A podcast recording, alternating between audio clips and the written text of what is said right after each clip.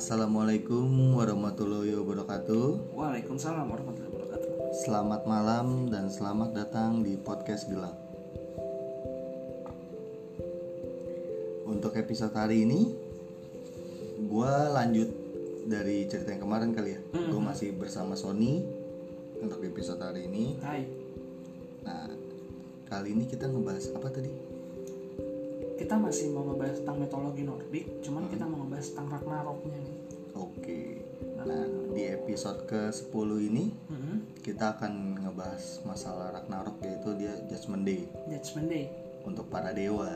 untuk para dewanya benar. Sebenarnya bukan untuk para dewa aja sih, tapi ke semua kesembilan dunia yang ada di mitologi Nordik itu. Oke, baik. Mungkin kalau gue sendiri juga kurang begitu paham ya kan. Gue masih juga belajar nih. Gue masih cari-cari, baca-baca juga. Tapi untuk lebih lanjutnya mungkin Sony bisa ceritain nih Boleh, boleh. atau bisa sharing nih tentang mitologi Nordik ini. Oke, langsung aja ya. Oke. Gimana tuh yang Ragnarok?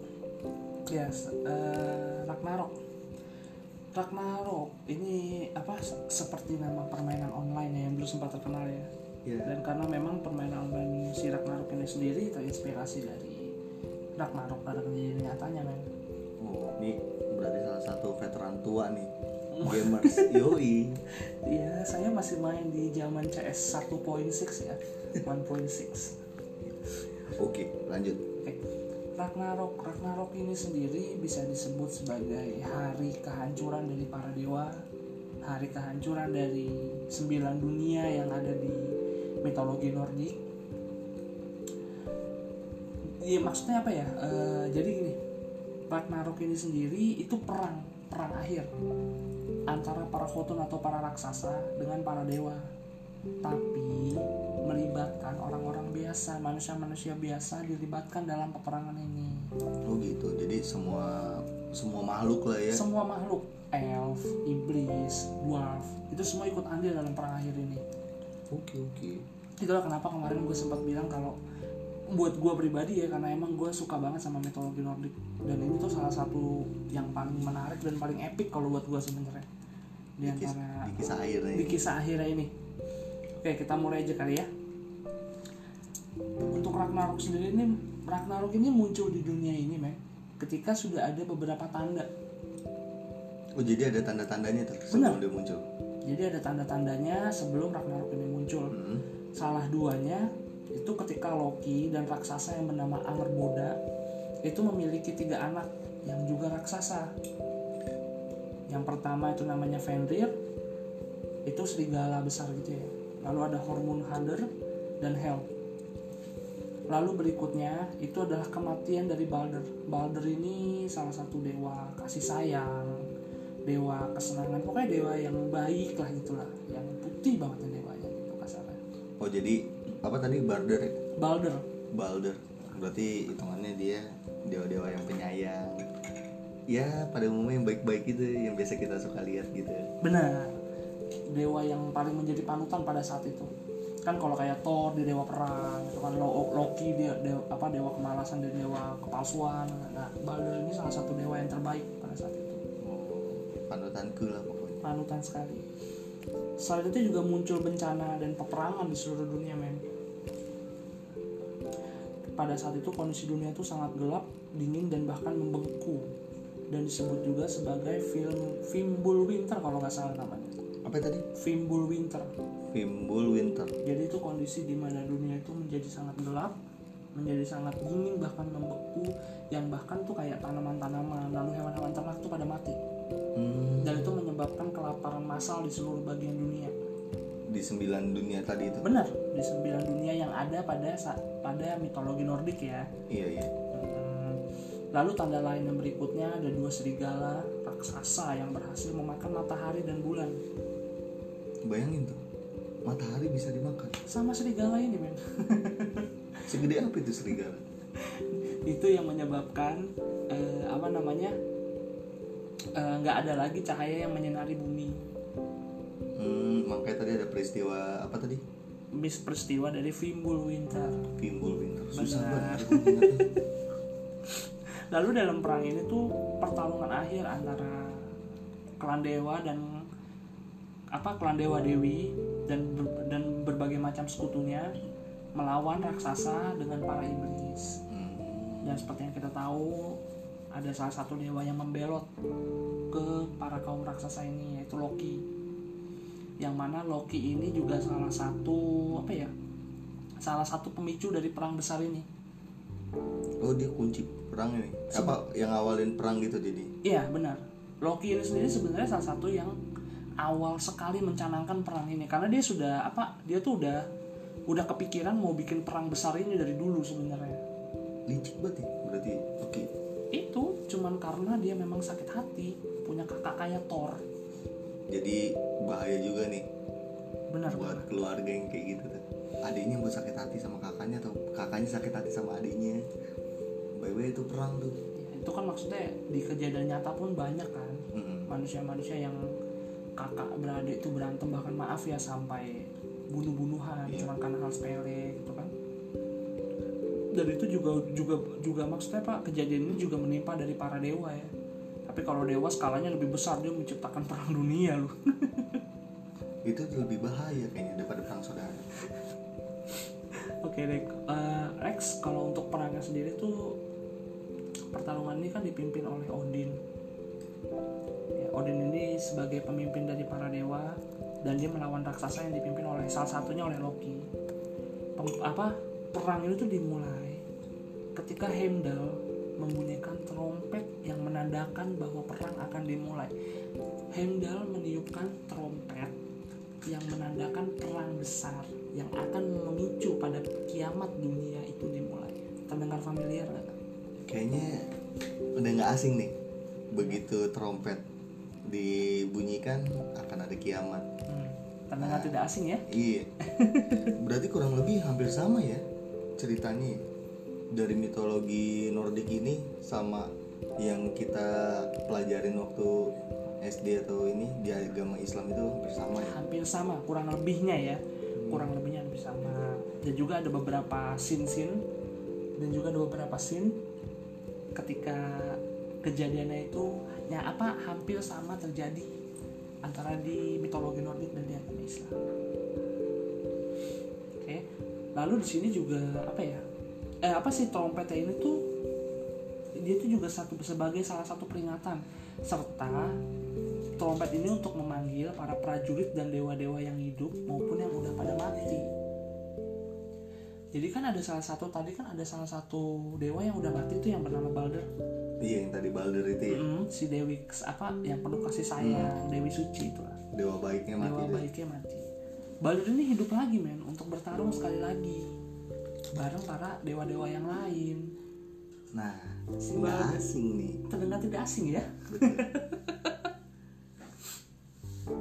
Oke, lalu Odin sebagai pemimpin para dewa, dia akan melawan Fenrir.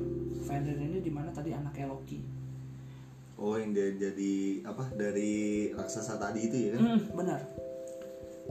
Fenrir sendiri ini tuh wujudnya anjing raksasa yang kuat dan mematikan, yang konon ya, konon katanya sekali lagi konon, yang katanya juga bahkan taringnya itu sanggup membunuh dewa, sanggup membunuh Tuhan atau dewa. Gokil lah.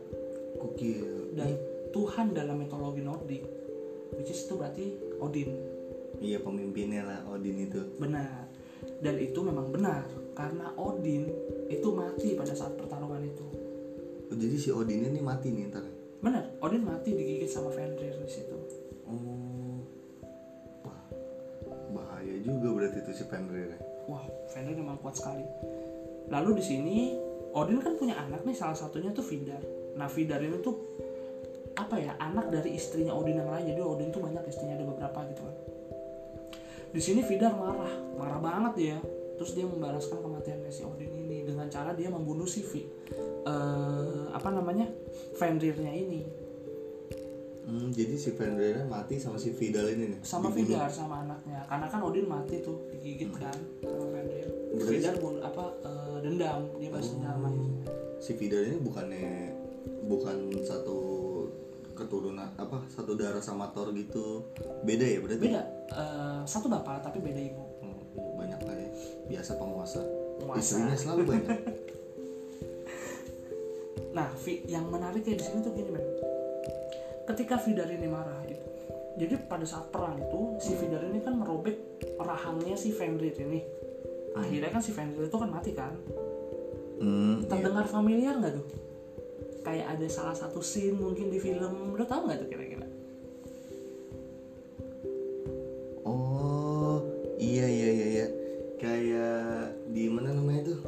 Yang di Avenger tuh ada? Hmm, hmm, yang pas bentar dulu bentar gue ya kan? oh yang Hulk. Ah, ya yang pas Hulk di Ragnarok juga sama ya? Hmm, yang dia ngerobek mulut anjing apa? Ah, bener banget. iya kan? Bener banget. Kelihatan ya kalau emang pecinta Marvel ya. jelas lah paham. Nah, di sini seperti tadi gue bilang Mem, salah satu pemicu perang terbesar itu tuh Loki, ya kan? Dan pastinya dia itu berada di kubu yang jahat dong. Dia berada di kubunya si raksasa ini. Di mitologi ini tuh Loki itu bertarung dengan Heimdall. Heimdall itu orang yang meniup trompet. N- niup sangkakalan ay Aku tidak mau menyebut. ya jadi Loki itu berantem sama si Heimdall. Dan di kisah Nordik ini hasil dari pertarungan itu keduanya meninggal men. Loki dan Heimdall mati. oh jadi si Loki malah matinya tuh sama si Heimdall itu ya Mm-mm. Aduh sorry sorry gue lupa silent tadi. si Loki ini di sini matinya sama Heimdall. Dan bisa dibilang sih nyaris semua yang terlibat maupun tidak terlibat itu mati di situ. Nyaris semua ya. Berarti ke- apa eh, peradaban dunia pada saat itu nyaris punah pada Ragnarok ini. hampir punah tapi belum punah kan Belum Udah belum, hampir punah. Dan nanti ada yang familiar juga pasti dengan Anda. tuh. boleh boleh Lalu Thor, Thor sendiri tuh bertarung dan apa dia perang dan dia berantem itu sama ular Midgard. apa Ular Midgard. ular Midgard Mm-mm. Ular jadi ini ular besar raksasa yang mempunyai bisa itu yang sangat mematikan. hmm, Yang katanya sih bisa membunuh Tuhan juga. serem juga ya. Anak-anaknya Loki ini bahaya sekali serius. kayak Medusa bukan Beda beda. Oh, Kalau beda. Medusa itu kan dia manusia kepala ular kan. Maksudnya bukan kepala rambut ular itu. Ini beda. bukan kepala dua oke ntar. lanjut lanjut lanjut Iya kan sini kan Thor kan berantem sama ular dari Midgard dan itu berakhir dengan kematian dari si ular beracuna itu. Jadi si ular ini udah berhasil dibunuh sama si Thor. hmm. Tapi masalahnya si Thor sempat kena patok sama tuh ular. oh sem- sempat kegigit dikit kali Iya, sempat kepatok ya, sempat kegigit gitu. Dan akhirnya Thor mati juga karena bisanya kan sangat kuat kan. hmm. Dan akhirnya juga apa mitos-mitos dari mitologi itu yang menyebutkan kalau Fenrir dan ular Midgard ini bisa membunuh Tuhan ataupun para dewa itu jadi nyata juga. jadi kenyataan Jadi ya kenyataan dengan juga. kematiannya si lo eh si Odin sama si Thor ini Benar banget. oke Lalu nextnya tuh ada salah satu apa ya bukan dewa ya dia karakter yang sebenarnya nih karakter yang bener-bener berpengaruh main dalam. Dia tuh sempat bertarung dengan Freyr dan dewa dan si Freyr itu mati di tangan raksasa ini. siapa? Raksasa. Jadi ada raksasa namanya Suter. Suter. Ah Suter. Dia tuh raksasa api.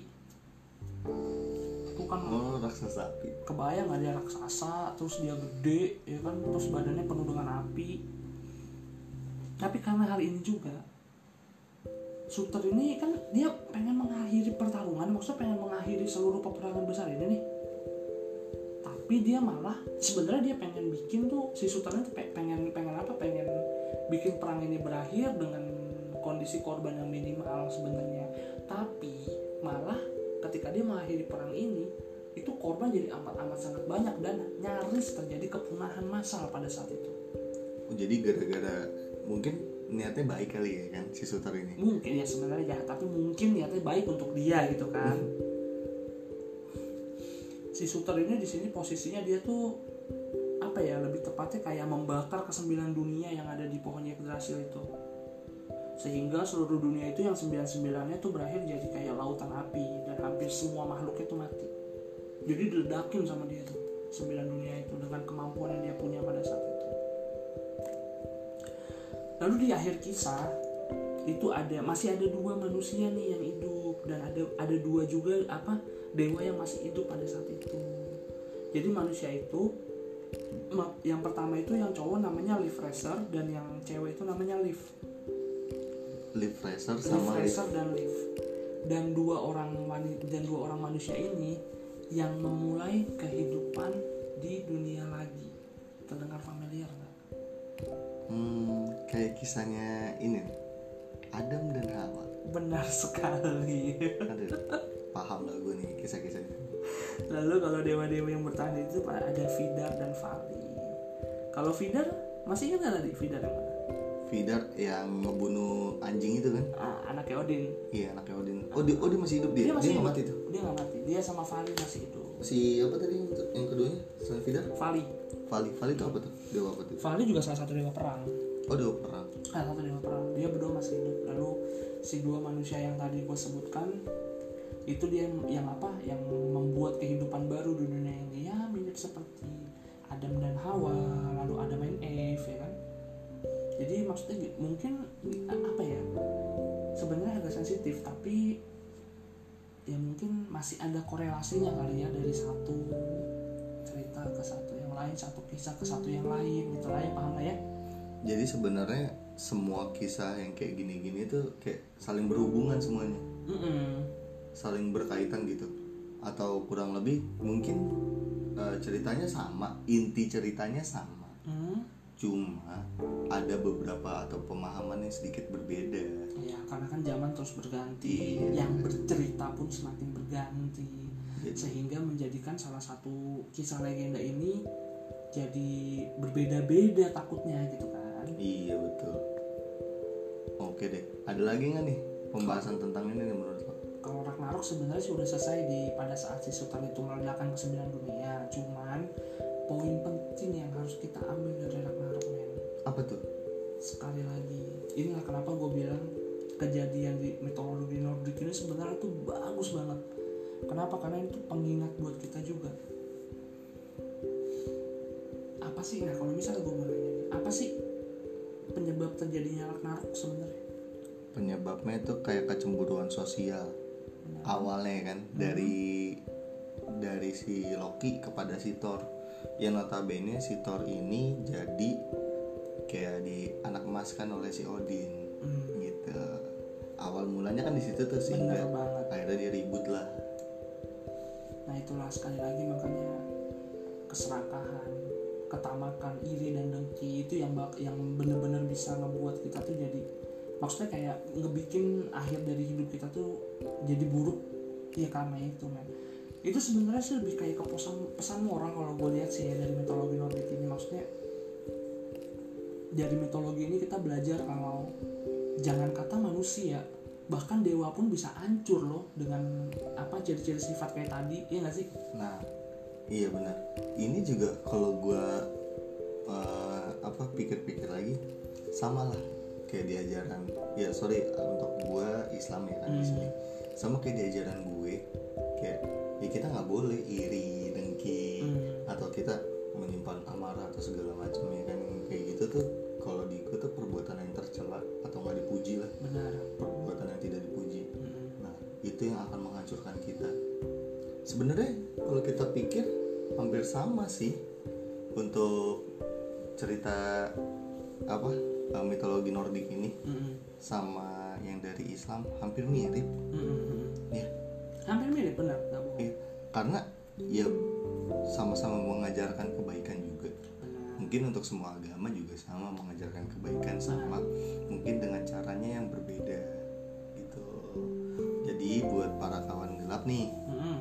kita bisa petik pelajaran dari cerita mitologi Nordik ini ya Mm-mm. ya bahwa kita hidup di dunia ini jauh-jauh lah dari rasa iri dengki atau yang buruk-buruk sifat buruk itu dijauhkan lah. Benar. Karena dari sifat buruk itu sendiri yang akan menghancurkan diri kita sendiri. Gitu. Iya. dan kalau saya boleh jujur anda tidak cocok sekali yang ngomong-ngomong petuah-petuah bagus seperti itu ya. Iya tadi kepala habis kena jedot bisa lancar ngomong. Oke nextnya mungkin nih kalau misalnya ada dari teman gelap nih men. Ada yang mau request cerita dari mitologi-mitologi boleh ya? Boleh. Untuk bahas mungkin kalian mau bahas kita cerita mitologi kayak gini nih. Atau mau bahas tentang konspirasi. Atau kalian mau bahas tentang apa aja lah. Coba di sharing aja ke kita. Ya siapa tahu nih kita juga apa ya ya kurang lebih tahu lah. Hmm, sedikit sedikit atau mungkin di sini juga di pendengar kawan gelap nih ada juga yang kayak saya nih. Penikmat dan pecinta alien dan UFO bisa juga tuh di request ya nggak? iya alien garis keras. Alien garis keras. Mungkin untuk di episode ini cukup sekian dulu kali ya. Hmm, boleh boleh boleh. Mungkin di nextnya kita lanjut lagi untuk kalian yang ingin kasih tambahan ke kita atau ingin sharing ceritanya atau mau ikutan bareng cerita sama kita boleh. Langsung aja DM di IG gue @putraaditya yang A nya dua ya. Langsung aja DM ke situ. Dan kurang lebihnya gue mohon maaf ya untuk ceritanya mungkin agak sedikit kepanjangan atau eh, sedikit belibet-libet nih. Oke, untuk malam ini gua Putra gua Sony dan selamat malam.